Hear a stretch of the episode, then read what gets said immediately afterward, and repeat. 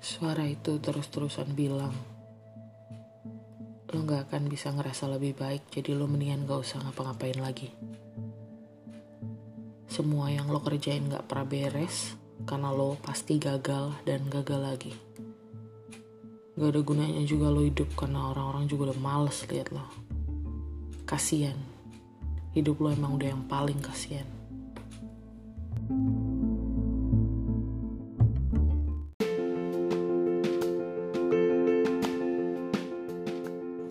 Juliska di sini bersamamu. Kita akan bercerita, belajar, dan berdiskusi tentang semua yang berkaitan dengan kesehatan jiwa dan membicarakan tentang sebuah perjalanan kita mencapai sebuah jiwa yang pulih dan utuh. Dan di episode pertama podcast hari ini, gue akan bacain sebuah cerita nih ya tentang proses hidup seseorang yang berjuang untuk berdamai dengan kenyataan bahwa dalam hidupnya dia harus bisa berjalan berdampingan dengan sebuah gangguan mental yang dinamakan gangguan depresi mayor.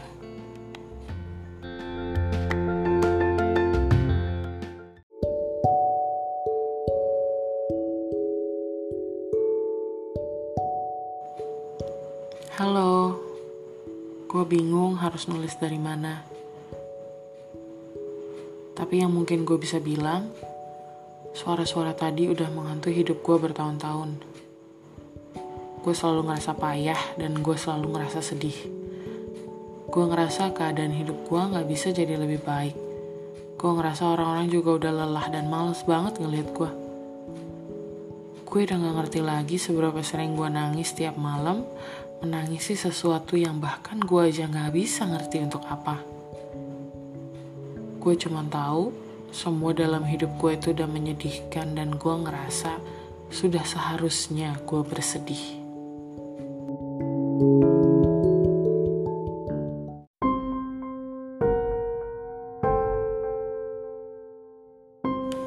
Gue nggak inget persis dari mana ide dan pikiran ini berasal. Tapi yang pasti, suara di pikiran gue terlalu jelas dan secara konsisten menyuruh gue ngambil gunting dan menggoreskannya ke lengan gue. Bukan di nadi, tapi di lengan. Gue tidak mau mati saat itu. Belum. Dan gue juga gak mau bekasnya ketahuan orang. Tapi gue ngerasa terlalu sesak menahan sedih sampai rasanya gue pengen sensasi sakit lain terasa di tubuh gue. Gue inget Tuhan kok. Sangat inget Malah gue berdoa dengan putus asanya, memohon dia untuk mengambil kesedihan ini. Kesedihan yang gue gak ngerti asalnya. Hidup gue cukup, gue dikelilingi keluarga dan teman-teman yang luar biasa baik. Rumah, sekolah, tempat kerja gue juga kondusif. Secara akal sehat, seharusnya gue bisa bersyukur dan bersenang-senang. Tapi nyatanya, ya gue bersedih sangat bersedih sampai rasanya mau mati.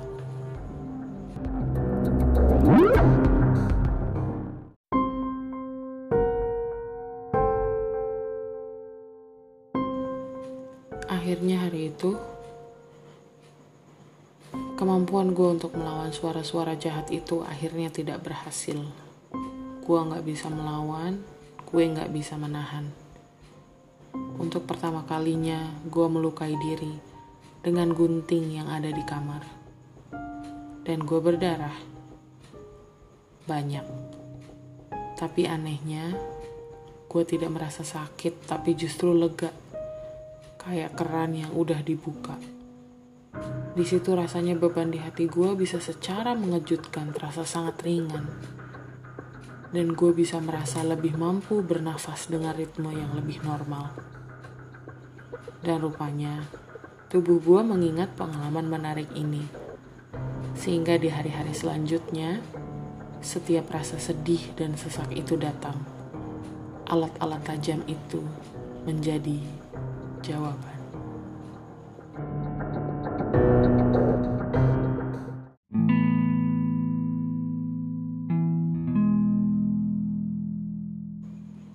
Hari-hari gue semakin gak karu-karuan kesedihan menjadi hal yang sangat dominan mengisi kehidupan. Keinginan dan pikiran untuk menghilangkan nafas yang berharga ini semakin besar hari demi hari dan semakin sulit dikendalikan. Gue males keluar kamar, gue membatasi interaksi dengan lingkup sosial yang terlalu besar. Dan yang paling melelahkan, gue gak bisa berhenti nangis. Pagi, siang, sore, tengah malam, subuh, gue sampai bingung. Gimana bisa gue memproduksi air mata sebanyak itu? Di satu hari seorang sahabat yang pada hari itu Tuhan kirimkan ke kamar gue mendapati diri gue sedang menangis dengan gunting di tangan. Gue takut. Takut karena akhirnya ada orang yang tahu betapa menyeramkannya gue. Dan setelah hari itu, hari-hari semakin berat karena artinya gue harus semakin pandai menyembunyikan diri. Sampai di satu titik akhirnya gue ngerasa kondisi ini tidak lagi bisa ditanggung sendiri. Setelah hampir dua bulan merasa kewalahan dengan perilaku gue, gue memutuskan untuk meminta pertolongan. Pertolongan dari mereka yang memang semestinya bisa menolong gue. Dan puji syukur kepada Tuhan, keputusan itu adalah keputusan yang terbaik yang gue sudah lakukan. Karena dari situlah proses pemulihan gue dimulai.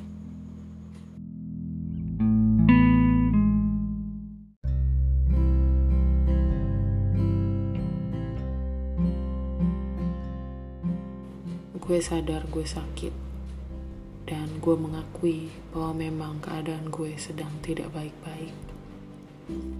Dan ternyata itu adalah langkah pertama yang kemudian membawa gue ke dalam sebuah perjalanan kesembuhan. Seorang profesional membantu gue memproses semua luka batin yang tersimpan jauh-jauh di alam bawah sadar, yang ternyata secara sadar tidak mampu gue ingat. Gue pun gak nyangka bahwa dalam tubuh ini gue menyimpan begitu banyak duka dan luka yang tidak terproses dengan semestinya proses terapi menjadi hal yang menakutkan di awal-awal perjalanan. Tapi beruntungnya, hari ini gue bisa dengan senang hati membicarakan hal ini. Gue tahu depresi bukan sesuatu yang bisa secara instan disembuhkan. Gue akhirnya dengan lapang hati menerima bahwa depresi akan terus menjadi bagian dari hidup gue sampai kapan pun. Tapi satu hal yang sudah berubah sekarang, gue meyakini bahwa depresi tidak akan pernah menjadi identitas diri gue. Karena hari ini, di momen gue menulis surat ini, gue bisa dengan yakin berkata bahwa gue adalah pribadi yang utuh. Dan gue tidak butuh apa pun untuk meyakinkan diri gue lagi bahwa gue sudah utuh. Dan itu adalah identitas sejati yang akhirnya bisa gue percayai lagi tangisan sedih dan rasa frustasi tentu masih ada sampai hari ini. Tapi gue sudah lupa kapan terakhir kali gue memakai cutter atau gunting untuk menghilangkan rasa sedih. Gue sekarang tahu cara yang lebih baik memproses kekecewaan dan kesedihan. Cara yang aman, tanpa melukai diri, tanpa melukai orang lain pikiran untuk meninggalkan dunia ini sudah hampir tidak pernah ada lagi. Hari ini gue begitu merasa cukup, dan gue semakin menemukan banyak alasan untuk gue tetap tinggal di sini. Karena hidup gue sungguh sangat berarti.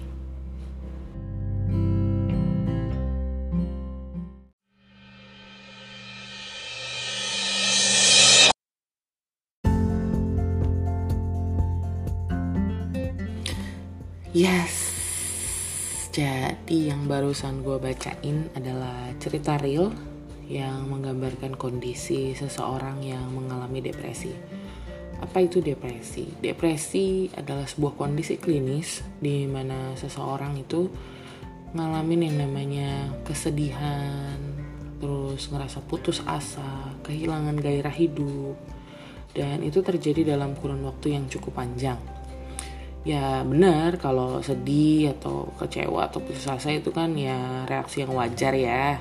Maksudnya namanya juga hidup. Tapi kondisi depresi di sini menurut manual diagnostik dan statistik gangguan mental adalah ketika seseorang secara terus-menerus merasa sedih, merasa putus asa, dan merasa tidak berharga sampai kehilangan kemampuan untuk berfungsi dan beraktivitas normal sehari-hari. Dan hal ini telah terjadi setiap hari selama lebih dari satu atau dua minggu. Nah, ya itu ciri-ciri yang mengalami depresi seperti yang tadi gue deskripsi sesuai dengan yang gue sudah deskripsikan tadi ya. Menurut cerita yang gue bacain bahwa orang dengan depresi itu memang merasa apa ya kayak sedih banget gitu secara mendalam. Terus mereka seperti kayak kehilangan harapan akan masa depan ngerasa sendiri atau pengen sendiri gitu mengisolasi diri ya. Terus mereka juga ngalamin yang namanya gangguan tidur. Kayak pengen tidur terus atau malah nggak bisa tidur sama sekali. Nah itu sama juga dengan selera makannya gitu. Jadi kadang mereka sama sekali nggak punya nafsu makan tapi juga bisa juga mereka malah kayak pengen bahkan banyak banget gitu. Nah, mereka juga menunjukkan perilaku-perilaku melukai diri dan sampai juga ada pemikiran untuk bunuh diri.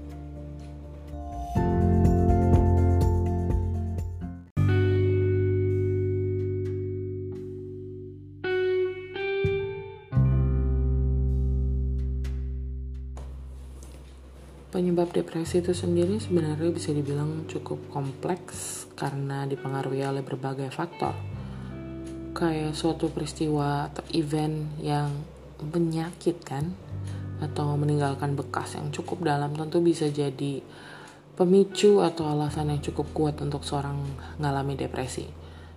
Kayak contohnya hmm, setelah kehilangan orang yang dikasihi. Well, itu pasti berat buat siapa pun. Atau rusaknya sebuah hubungan atau rencana besar yang gagal sehingga kenyataan menjadi tidak sesuai dengan harapan. Atau bisa juga diakibatkan oleh stres yang berkepanjangan gitu ya. Yang dihasilkan dari tuntutan-tuntutan sekitar kayak misalnya tuntutan dari rumah, tuntutan dari kerjaan, kayak lo harus target, lo harus perform well gitu ya atau bisa juga tuntutan social life like you know society can be harsh sometimes. Like you have to be smart.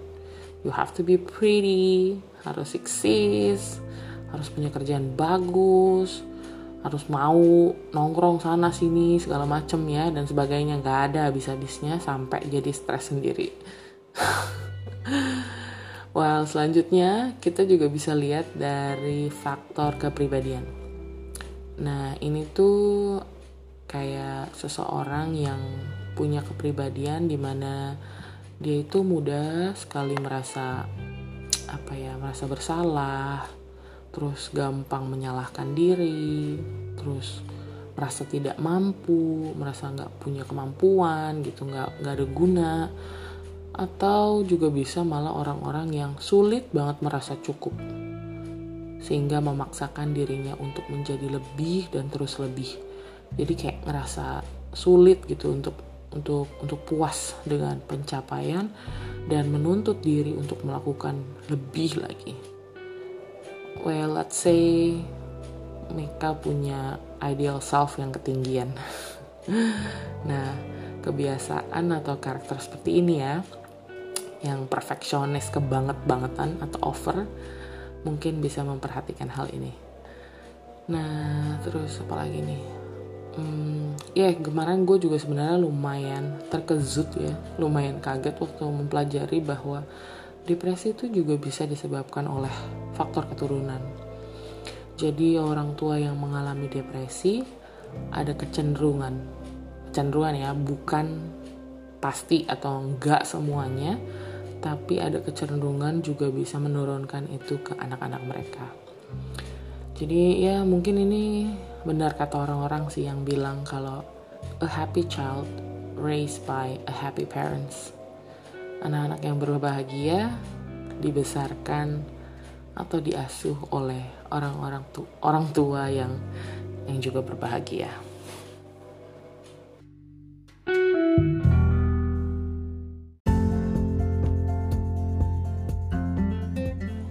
Bagaimanapun juga, kalau kalian dengar podcast ini dan ngerasa ngalamin gejala yang serupa, please jangan langsung diagnosa sendiri ya.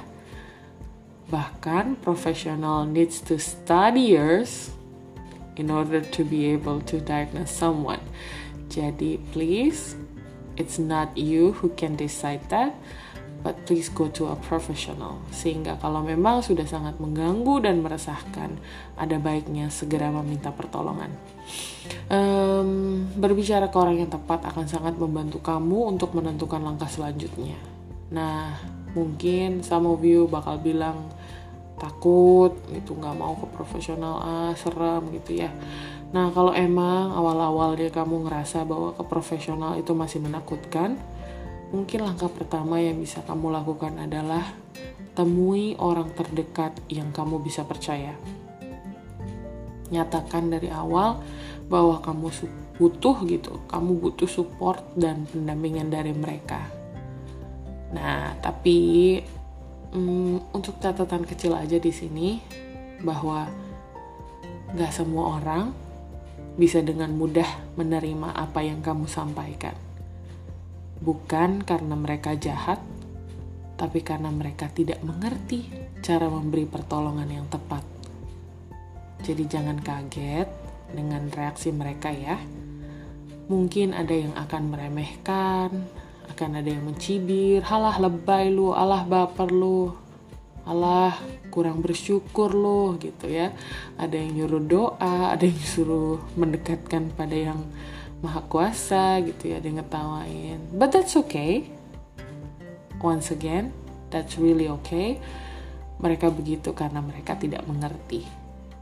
Tapi percayalah bahwa kalau satu orang gagal menolongmu Tuhan pasti akan mengirimkan orang lainnya lagi untuk menolongmu. Jadi jangan menyerah. Sakit dan luka itu nyata tapi pemulihan dan kesembuhan itu juga nyata untuk kamu.